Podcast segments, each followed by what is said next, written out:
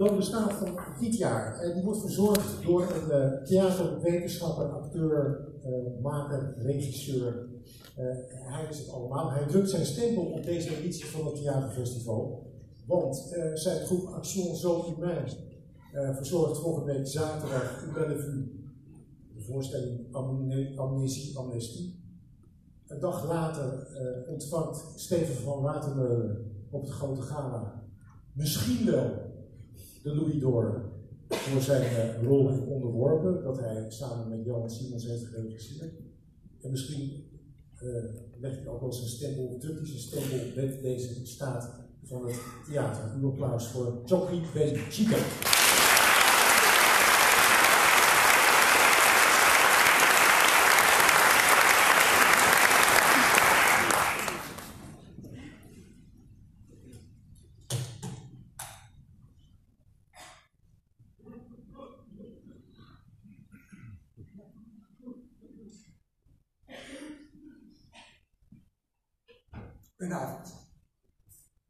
Beste vrienden van het theater en al jullie gedaan. Dat ik hier een speech mag geven, is voor mij een grote eer. Dat jullie niet pakweg Matthijs van Nieuwkerk of een BVI-inner, bekende Vlaming in Nederland, hebben uitgenodigd, maar een eenvoudige theatermaker met een bekendheid in Nederland van 0,0 getuigt van openheid en moed, of van radeloosheid of van allebei. Ik begrijp dat mijn werk jullie niet bekend is. Gezond ook. Want eerlijk is eerlijk. Mijn woorden waren geen kogels. Mijn opiniestukken geen bombengordel. Mijn voorstellingen geen granaten. En mijn televisieoptredens geen explosies. Mijn lichaam was geen gevaar. Geen mes, geen offer. Mijn leven was misschien te veilig. Ben ik te wit geworden, zoals sommigen zeggen? Te burgerlijk? Sorry, maar uh, ik denk dat ik afdwaal. Laten we er gewoon aan beginnen. In voorbereiding op deze staat heb ik de speeches van de afgelopen tien jaar gelezen en kwam ik tot de conclusie dat alles al gezegd is. Alles wat er mis is gegaan in theater is benoemd. Alles wat er mis is in de politiek is benoemd. De onvermijdelijke spagaat in de verhouding tussen theater en politiek is ook benoemd. Dit is het begin van de staat van theater van vorig jaar. Ik ben echter tot een compleet andere conclusie gekomen dan mijn inspirerende collega voorhangster Lot Wekemans. Misschien is alles al gezegd geweest, lieve vrienden. Lieve vrienden van theater. Maar is er ook alles aan gedaan? Hmm. In woorden zijn we goed, maar wat zijn ze waard? Dat wil ik weten. Wat brengen ze teweeg als we, hier, als we ze hier uitspreken in de staat van theater? Als je niet uitkijkt, betekent die staat vooral blijven zitten. Laat ons echt proberen na te gaan en te gaan staan voor wat we zeggen. Wat hebben wij nu eigenlijk over voor ons vakgebied, voor onze ambacht, onze liefde, voor de meest sociale der alle kunstvormen? De kunstvorm die ons allen zo nauw aan het hart ligt en die ook in het hart van de samenleving staat. Allee, of zou moeten staan. Wat hebben we daar eigenlijk voor over? Anders dan wat kunstige formuleringen en een paar schamele woorden.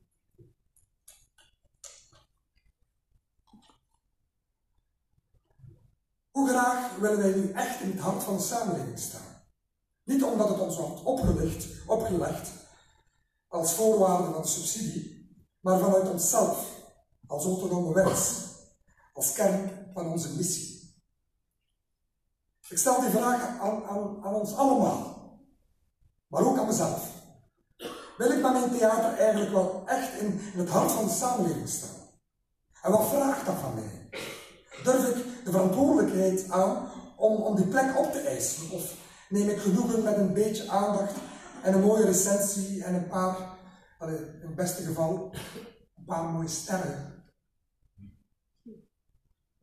Een tijd geleden las ik een artikel van een Amerika-watcher, Bjorn Soerens, die werkt voor de VRT, de Vlaamse Radio en Televisie, en die verklaarde toen, in zijn artikel, Door de komst van Trump is de serie House of Cards overbodig geworden.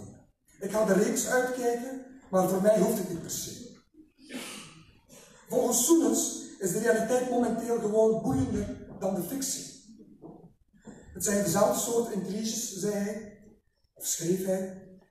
We hebben de serie eigenlijk niet meer nodig, want het zit elke dag in het nieuws. Mediamanipulatie, kiesfraude, het verdeelde Amerika, de hacking, de terreurdreigingen en ga zo maar door. Iedereen van ons herkent die beelden. De politiek bedient zich steeds meer met theatrale middelen. Met characterbuilding, de cliffhangers, passen de media grif de wetten, de wetten toe van het drama. En dat geeft te denken. Krijgen we een overkill van fictie? Maakt dat straks kunst overbodig? Of synoniem van amusement? Of moeten we kunstenaars op zoek naar een andere rol? Als Trump de grootste performance kunstenaar is van onze tijd, wat gaan wij daar tegenover zetten? Wat is het antwoord op fake news, facts-free politics? Kunnen wij daar een andere waarheid tegenover zetten? Kijk, ik, heb altijd geloofd in, in de artistieke waarheid, als een zeer krachtige autonome vorm van waarheid tegenover andere vormen van waarheid. De feitelijke waarheid, de, para, de propagandische waarheid, de bureaucratische waarheid, de religieuze waarheid en, en noem maar op. De artistieke waarheid biedt een vrij, maar niet vrijblijvend perspectief op de wereld. Het is een waarheid die achter de dingen kan kijken en tracht de zaken te ontmaskeren en te ontsluieren wat anders verborgen blijft. Omdat ze, ja, omdat ze beschikt over een poëtisch potentieel. Zonder die artistieke waarheid zouden we ons niets kunnen verbeelden. De vraag die we hier stellen is wat voor impact die waarheid heeft op de hele wereld. Brengen we ook daadwerkelijk iets teweeg? Of gebruiken we onze artistieke vermogens om een beetje weg te dromen? En komen we daarmee niet verder dan een beetje gepruts in de marge? Mocht dat zo zijn, vind ik het niet raar dat onze kunsten weggezet worden als een soort van hobby. Dan is wat we doen vrije tijdsbesteding van zowel het publiek als van de makers. Dan zijn wij zo'n soort van orkestje van de Titanic. Violisten die podiumkunstje blijven spelen. Wat er ook gebeurt. In de film Titanic krijgt zoiets iets heroïs. Maar ik denk dat op dit moment iets anders wordt verwacht van een kunstenaar. Iets anders wordt gevraagd dan stoïcijns zijn kunstje blijven doen voor het publiek. Om antwoord te vinden op de vragen neem ik jullie graag mee naar de 19e eeuw. Naar een van, van, een van onze grote theatervernieuwers. Die zich makkelijk kan meten met Brecht, met Shakespeare, met Molière. Het was een pionier van realistisch theater, tokentheater, multidisciplinair theater, van interculturele podiumkunsten. Een pionier van drempelverleggend theater, met een bekendheid en invloed waar iedere theatermaker alleen maar kan van dromen. Deze theatergrootheid was ook dierentuindirecteur. Dat heeft wel echt niet, goed gedaan aan zijn status, maar vandaag de dag zou dat eigenlijk niet zoveel uitmaken. Kent iemand hem? Kennen jullie hem? Zegt jullie iets? Denk niet, want staat niet in de handboek. Ik heb het over de Duitse theatermaker Karl Heinz Friedrich Hagenbeck. Hagenbeck is begonnen met dierparken. Haalt wilde beesten uit heel de wereld naar hier. Beren die op een fiets rijden, apen die verkleed zijn als man en vrouw die een dansje doen, en rendieren. Rendieren. Waarom zou je rendieren naar Duitsland hebben gebracht? Ik weet het ook niet. Maar, um, maar in ieder geval, hij laat zo uh, ook um, van die Sami, eigenlijk zo wat wij noemen lappen, ook overkomen uit Lapland. En die lampen die moeten eigenlijk, de Sami, die moeten voor de dieren zorgen. En wat blijkt? Dat het publiek eerder geïnteresseerd is in die beesten dan, uh, eerder geïnteresseerd is sorry, in die mensen dan in die beesten. En hij laat eigenlijk de Sami optreden. En dat, dat blijkt een gat in de markt te zijn. Dat kent een gigantisch succes. Die gaan op tournee. Van Hamburg naar Leipzig, van Leipzig naar Berlijn. En die samen worden een kast kraken in heel Duitsland. En moest er toen, moest er toen een theaterfestival zijn, dan zou je zeker theaterprijs hebben gewonnen. En terwijl iedereen nog bezig is met die Sami, is, is, die, is die ondernemende theatermaker nog een stap verder. Hij brengt Nubiërs over in, naar Duitsland, wilde zwarten uit Sudan. En ze krijgen nog een veel groter succes de Sami. En dat gaat op internationale tournee. Langs Londen, Parijs, Brussel, Gent, Antwerpen, alle wereldsteden.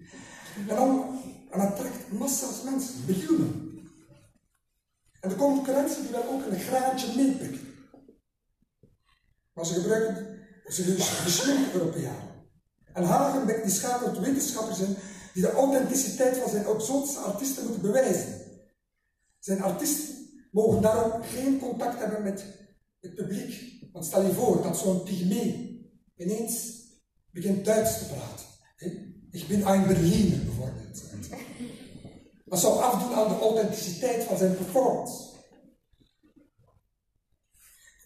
En hij beseft dat hij zich moet blijven vernieuwen. Dat het niet voldoende is om vreemde soorten en rassen te toon te. Hij laat ze zingen en dansen en, ook zwangere vrouwen overkomen.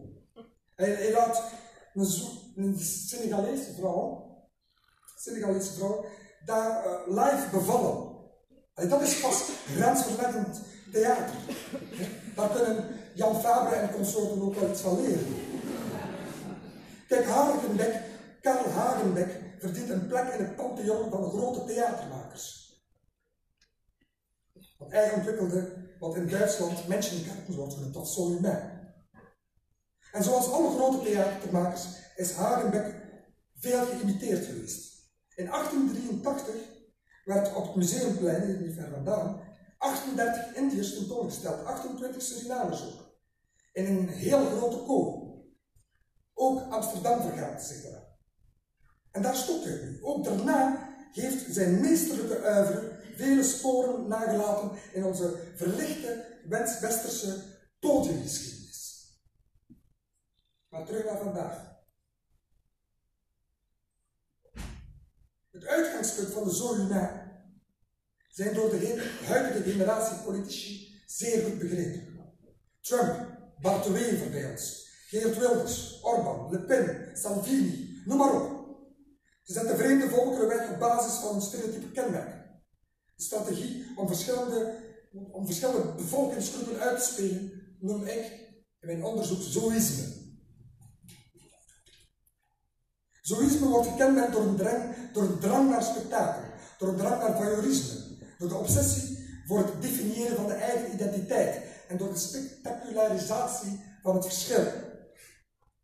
De van het genie Hagenbeck leverde de model op voor een anti-verlichtingsdenken en een politiek van ontmenselijking. Dit zoïsme maakt dagelijks slachtoffers. Op mondiaal vlak zie je dat bijvoorbeeld heel goed bij de, met, met de Palestijnen. Die zitten, de Palestijnen zitten in een immense kooi. Dicht bij ons, dicht bij ons hebben we de asielzoekers en de migranten. Die hebben we graag gereduceerd tot tweede rangs zeker als ze moslim zijn. In België heeft deze hogere kunstvorm het zelfs zo ver gebracht als beleidslijn. We hebben zoïsten en dierentuindirecteuren aan de macht. Zoals we hebben zo een staatssecretaris voor criminalisering van migranten.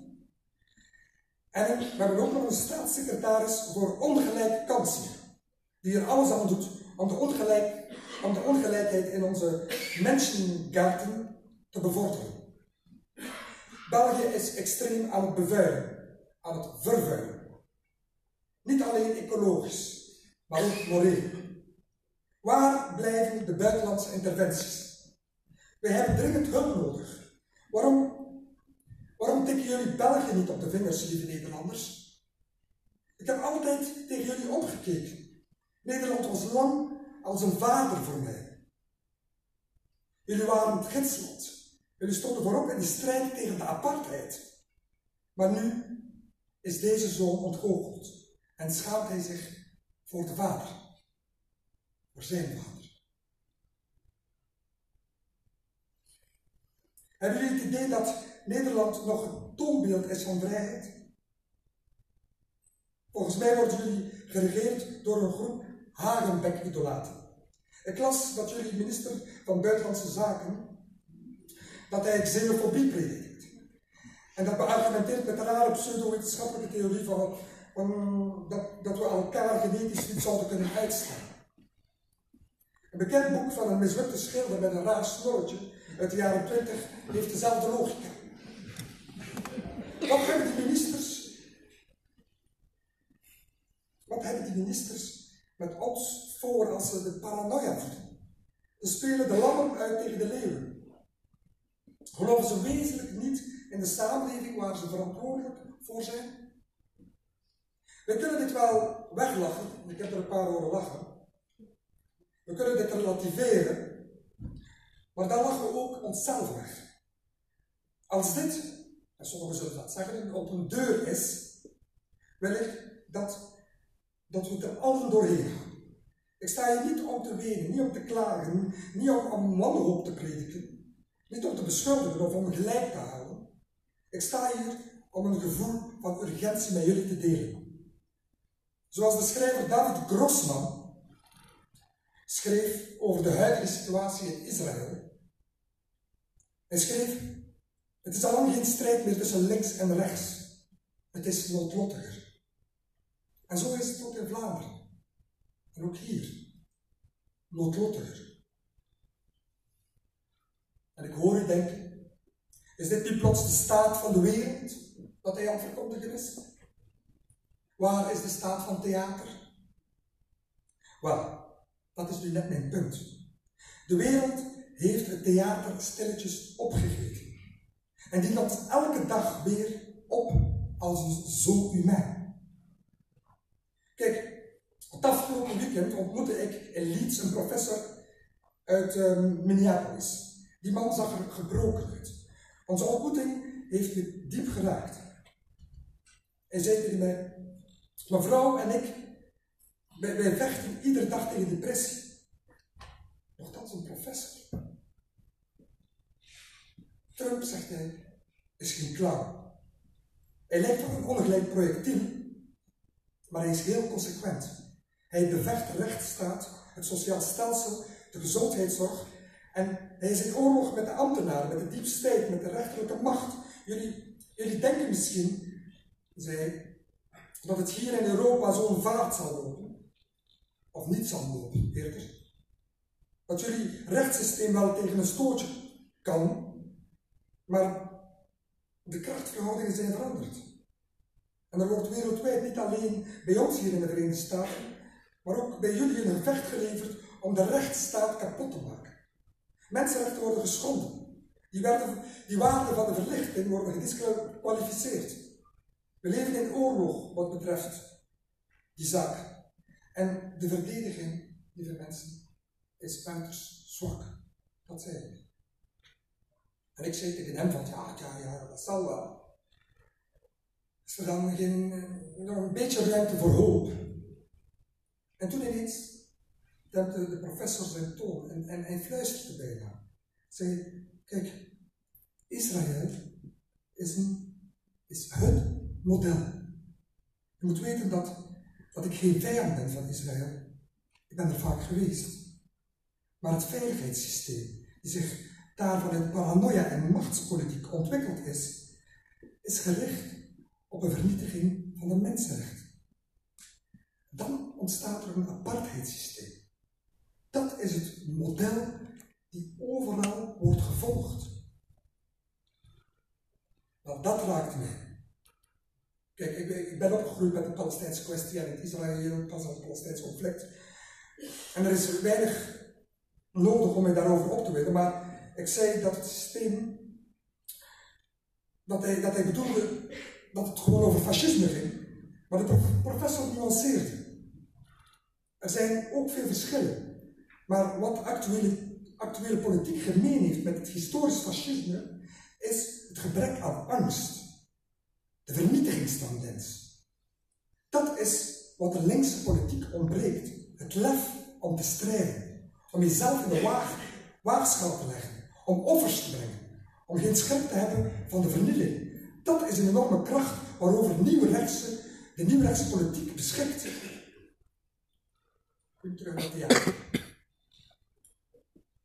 Als de professor gelijk heeft, wat moet ik daarmee? Wat kunnen wij daar nu mee?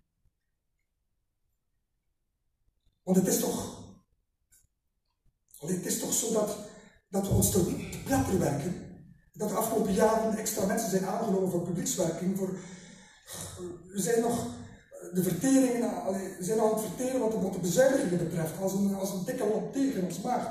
We maken onze voorstellingen met, toch, met, met, vluchtelingen ook. Zien steeds meer collega's uitvallen. Uh, we gaan toch in de, in, de wijken en we lezen de Groene Amsterdammer en omkaderen onze voorstellingen met debatten en randprogramma's en documentaires en getuigenissen van mensen van, van buiten ook, staan we onszelf helemaal in vraag uh, bij, bij volgende aanvraag die we doen. Um, we doen een sociale impact meeting, praten met de politiek, maken middelen vrij voor, voor jong werk. Praten nog eens met de politiek, herschikken ons organigram. Spelen en, en spelen en spelen aan de lang voor de babysit van de kinderen. Publiceren statements. Hebben een fair practice getekend. Staan ons podium open voor amateurs, halen mensen met andere achtergronden bij, blijven vergaderen in plaats van gewoon naar huis te gaan, slapen steeds minder, trekken ons programma steeds breder open. Kortom, we maken allang veel meer dan theaterzoekerie. Meer dan ooit betrekken wij toch de wereld erbij. En dat is waar. Natuurlijk is dat zo.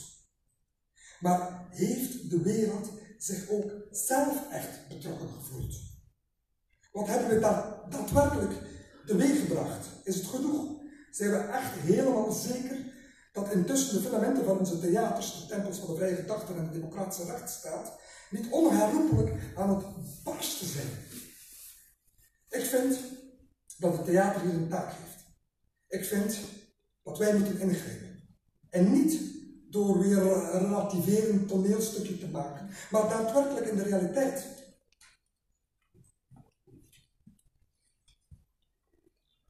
Klinkt arrogant, hè? Appellerend of elitair.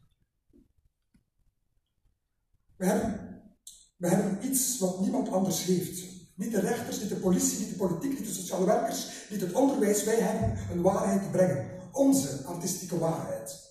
Als er zoveel leugen in de samenleving, samenleving wordt geïnjecteerd, zoals de huidige politiekers dat doen, dan kunnen we niet anders dan een tegenmacht organiseren met onze, of voor onze artistieke waarheid.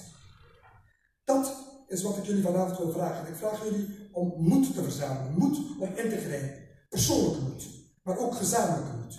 Er moet terug iets verzameld worden, niet nog meer fusies, daar heb ik het niet over. Geen mastodonten, niet nog meer megaconcerts. Weg met het idee dat, dat grote merken de redding zijn. Weg met de supermarkten en de supermarketing. Nee, laten we liever iets op gang brengen in in het maatschappelijke debat laten we in het hart van de samenleving de positie opeisen. Spreek het uit, zet een debat op. Zet het gewoon debat op zijn kop. Vind er iets met een flair van verbeelding. Eis de waarheid terug op. We hebben alles voor in huis. We zijn in staat om emoties te wekken. Dat onze artistieke waarheid, onze artistieke waarheid kan maskeren, verwarren, verbeelden. Don Quixote, Robin Hood, Hamlet, we moeten ze niet alleen spelen, we moeten ze ook worden. De lawaaischoppen, de provocateurs, de waarzeggers, de narren, de orakels. Allemaal eeuwenoude rolmodellen voor wie, we, voor wie zich bekommerd heeft om, om rechtvaardigheid. Wees niet bang. Wees niet bang. Vrees niet te worden weggezet als moralist of als cultuurmarxist. Gebruik die woorden als geuzennaam. Laat het verwijt van moralisme niet het einde zijn van het debat, maar het begin. Wat men je verwijt, moet je versterken, zei Comberville. Dit is een dit is zoiets. Kom dus met andere woorden uit je kooi, theatervrienden, uit je volume. Het is onze taak om oppositie te maken. En dat kan, nee, dat moet met poëzie. Geen revolutie zonder dans, zei Emma. Denk aan Greenpeace, bijvoorbeeld, dat in Berlijn een gigantische verkeersplein knalgeel schildert. Toch en tot is een verbeeldingssprekende actie, Dat moet toch kunnen? Waarom moet dat alleen door, van, van Greenpeace komen? Dan moeten jullie hier in Amsterdam toch ook willen? Amsterdam is een soort Disneyland geworden. Laat jullie, laat jullie dat zomaar gebeuren? Waarom is, waarom is Amsterdam geen vrijstaat? Jullie moeten dat gewoon terug veroveren. Dat kan. Ik geloof dat dat kan. We kunnen leren van de activisten. Die hebben meer invloed dan wij. Hoewel, niet altijd. Want artistiek stellen ze het meestal niet zoveel voor. Hey, Pussy Riot bijvoorbeeld is een verschrikkelijk matig bandje. maar, maar, ja, maar als amateurs, ja, maar je kunt lachen met Pussy Riot, maar als amateurs het zelfs beter doen dan wij, hè? hallo, hebben wij geen betere troeven in Alleen met onze verbeelding, met onze creativiteit, met onze vermogen om dubbelzinnig te zijn, met, met al de kleuren van emoties die we kunnen tonen, de wereldbeelden te laten botsen, om verwarring te creëren, met onze artistieke vrijheid en onze artistieke waarheid. Natuurlijk zeg ik dan mijn, mijn, mijn angst en droog. Natuurlijk ben ik ook angstig. Ik heb ook een vrouw, en kinderen, en een hypotheek. Alleen staat er nu momenteel mensen veel meer op het spel dan uw verdomde eigen belang. Dat we in concurrentie zijn en dat we moeten presteren, dat wordt ons allemaal wijs gemaakt. Terwijl de publieke ruimte krimpt en krimpt, ook theater. We moeten de publieke ruimte terug veroveren. We moeten de focus eigenlijk verleggen. We hebben de zwarte dozen veel te belangrijk gemaakt. We richten al onze energie, ons geld, onze creativiteit, 90% op die fucking zwarte doos de bonbondozen en onze seizoenbrochures. En voor 10% op de wereld. En wel, dat zou moeten het omgekeerde zijn. Voilà, ik heb al een duidelijk voorstel. Ik kom niet alleen maar klagen, dat is al een voorstel. Snap je? En als er daar een paar mensen tussen zitten van, ja, maar je komt alleen maar klagen en alleen maar prediken, ik heb een voorstel geformuleerd. Omgekeerd. Ja, het gaat over geld en weer over geld. En dat klopt. Maar geld kunnen, zonder geld kunnen we niets doen. Maar de vraag is, wat doen we met het geld? Daar gaat het om. Kijk, de, wet, de wetten van de economie, dat is de ware solution. Johan en ik zijn tot dezelfde conclusie gekomen. De ware solution is niet de islam. Het is de wetten van de economie. Niet iedereen voor zich, maar een pot voor ons allen. Wat we gezamenlijk doen. We zouden Europese cellen kunnen oprichten, mensen. Europese cellen. van kunstenaars en onderzoekers uit alle disciplines, ook hackers en wetenschappers en filosofen. En zij moeten artistieke strategieën bedenken die werkelijk impact hebben op de samenleving. Waarmee we kunnen inbreken in de realiteit. Dat is toch concreet? Want er geen lult dat er geen concrete voorstellen zijn. Ik zeg het nog eens. Dit zijn woorden maar ik wil tot daden komen. Ik ben opgegroeid, lieve mensen, met schaamte. Ik heb mijn hele jeugd geschaamd. Ik heb mij geschaamd te maken met opvoeding en weet ik wat allemaal over seks. Ik heb mij geschaamd over, uh, over mijn afkomst, heb ik mij geschaamd en weet ik wat allemaal. En daarom heb ik voor kunst gekozen. Om mij niet meer te moeten schamen. Maar nu kan ik het niet meer uitleggen aan de mensen. Ik denk bijvoorbeeld aan de performance van Mohamed Bouazizi. Of aan die van Jan Palach van 50 jaar geleden, die de aanzet, aanzet gaf van de Praagse lente. Bouazizi, die deed dat met de Arabische lente. Hij overgoot zichzelf met benzine. En een paar uur later vertrok Ben Ali, de dictator. En de Tunesische regering werd omvergeworpen. En dat was het begin van de Jasmijnrevolutie. Kijk, ik ben geboren in Oostende. Mijn ouders die komen uit Tunesië. Ik heb lang op Tunesië neergekeken. Ik heb Tunesië mezelf ontlopen, genegeerd, miskend. Tot in 2010 ineens daar theater werd gemaakt. In één keer braken daar opstanden uit. De val van de dictatuur werd geëist en het einde van zelfverrijking en de corruptie was in zicht. En enkele uren later veranderde Tunesië voorgoed.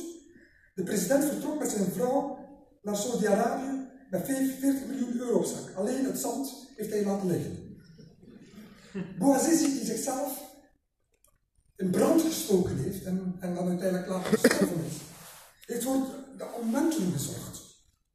Wat hij begrepen heeft om van zichzelf een zoie merk te maken. Het naam van verlichting. Hij had moed, urgentie, noodzaak. En zo heeft hij ook mijn hand aangestoken. Ik wil iets doen. En nee, je moet er niet mee in zitten. Er komen straks geen honderd vluchtelingen op het pootje. Nee, dat is een goed idee, maar dat is al gedaan. Dat zal niet gebeuren. En ik heb ook geen speciale moslims uitgenodigd. Heteroseksuele of homoseksuele moslims, niet uitgenodigd. Ook geen uh, dwergen, ook niet uitgenodigd. Geen bekende schrijvers of geen politici. Doe het allemaal alleen. En ik heb niemand nodig, alleen mezelf. En ik heb ook niemand op de hoogte gesteld van mijn plan. Ik heb besloten om mij vanavond in brand te steken. Dit is mijn afscheidsspeech. Dit zijn mijn laatste woorden. Het klinkt misschien pathetisch, dat is misschien ook, maar het is alles wat ik te bieden heb. Jullie mogen er blij mee zijn. En, en geen cynisme alsjeblieft. Iemand het doen. Hier op het podium. Voor het oog van de smartphones. Misschien is het pathetisch. Misschien, ja, ik weet het niet wat, maar ik doe het uit vrije wil. En ik doe het bewust. Ik heb geen depressie, geen, uitzicht, geen uitzichtloos lijden, tenminste niet persoonlijk. Het is een optimistische daad. Ja hoor, optimistische daad. Een daad van hoop. Een daad van hoop om theater weer in het centrum van de aandacht te krijgen. Om de kracht daarvan te tonen. Om te laten zien dat we de grenzen van de bonbondoos kunnen overschrijden. Dat we buiten de zwarte doos ook iets te zeggen hebben. En misschien worden we vanavond de hoofd, op het nieuws. Ik wil niet alleen woorden prediken. Ik wil doen wat ik verkondig. Practice what you preach. En indien er nog wat Calvinistisch bloed door jullie aderen stroomt, dan moet dit wel jullie aanspreken. Of zijn jullie zoveel katholieker geworden in de loop der eeuwen? Misschien hebben jullie mij daarvoor gevraagd. Om jullie voor te gaan. Voor mij betekent dit het einde van mijn project Action Zoïmai. De Zoïmai heeft mij eindeloos geïnspireerd. Tot mijn laatste voorstelling. U hebt mij 20 minuten schaamteloos mogen bekijken. En u gaat mij meteen wegzetten als een Vlaamse theatermaker, activist, ondankbare knuffel allochtoon, barbaar. Misschien is mijn Noord-Afrikaans uiterlijk jullie voldoende en krijg ik straks een beleefd applaus. Misschien is het voldoende dat ik hier sta, ongeacht wat ik zeg. Misschien denken jullie dat ik hier een persoonlijke tragedie sta op te voeren, dat ik een burn-out heb, of dat ik niet voor niets radicaal ben. Misschien denken jullie wel, dat is een Arabisch bloed, die, die loopt nog de revolutie achter. Dat moet blijkbaar er helemaal uit. Misschien vinden jullie dat ik naïef ben, of overmoedig, of een, of narcist, of een loser. En misschien hebben jullie daar allemaal wel gelijk Ik ben dat allemaal met overtuiging. Het heeft nooit zin om de beeldvorming te ontkennen. Mijn strategie is altijd geweest om daarmee te spelen. In een spiegelspel van waarheid en leugen, fictie en realiteit. Beelden tegenover elkaar zetten. Ik breek straks door mijn kooi. Of mezelf op. Maar ik zeg, ik het zonder heroïek. Iemand moet het doen. En er zal wel van alles verweten worden. Een would-be, Bouazizi, Jan Palach, Jezus Christus, of weet ik wat. Offers brengen wordt gezien als iets uit de voorbije tijd. Toch is het dat wat in elke Griekse tragedie gebeurt.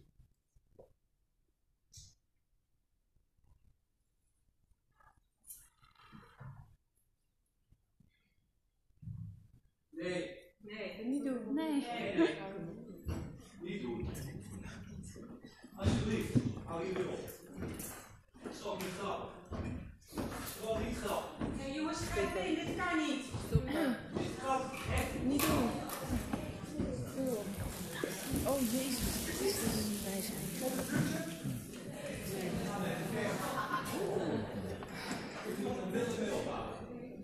It's for his help.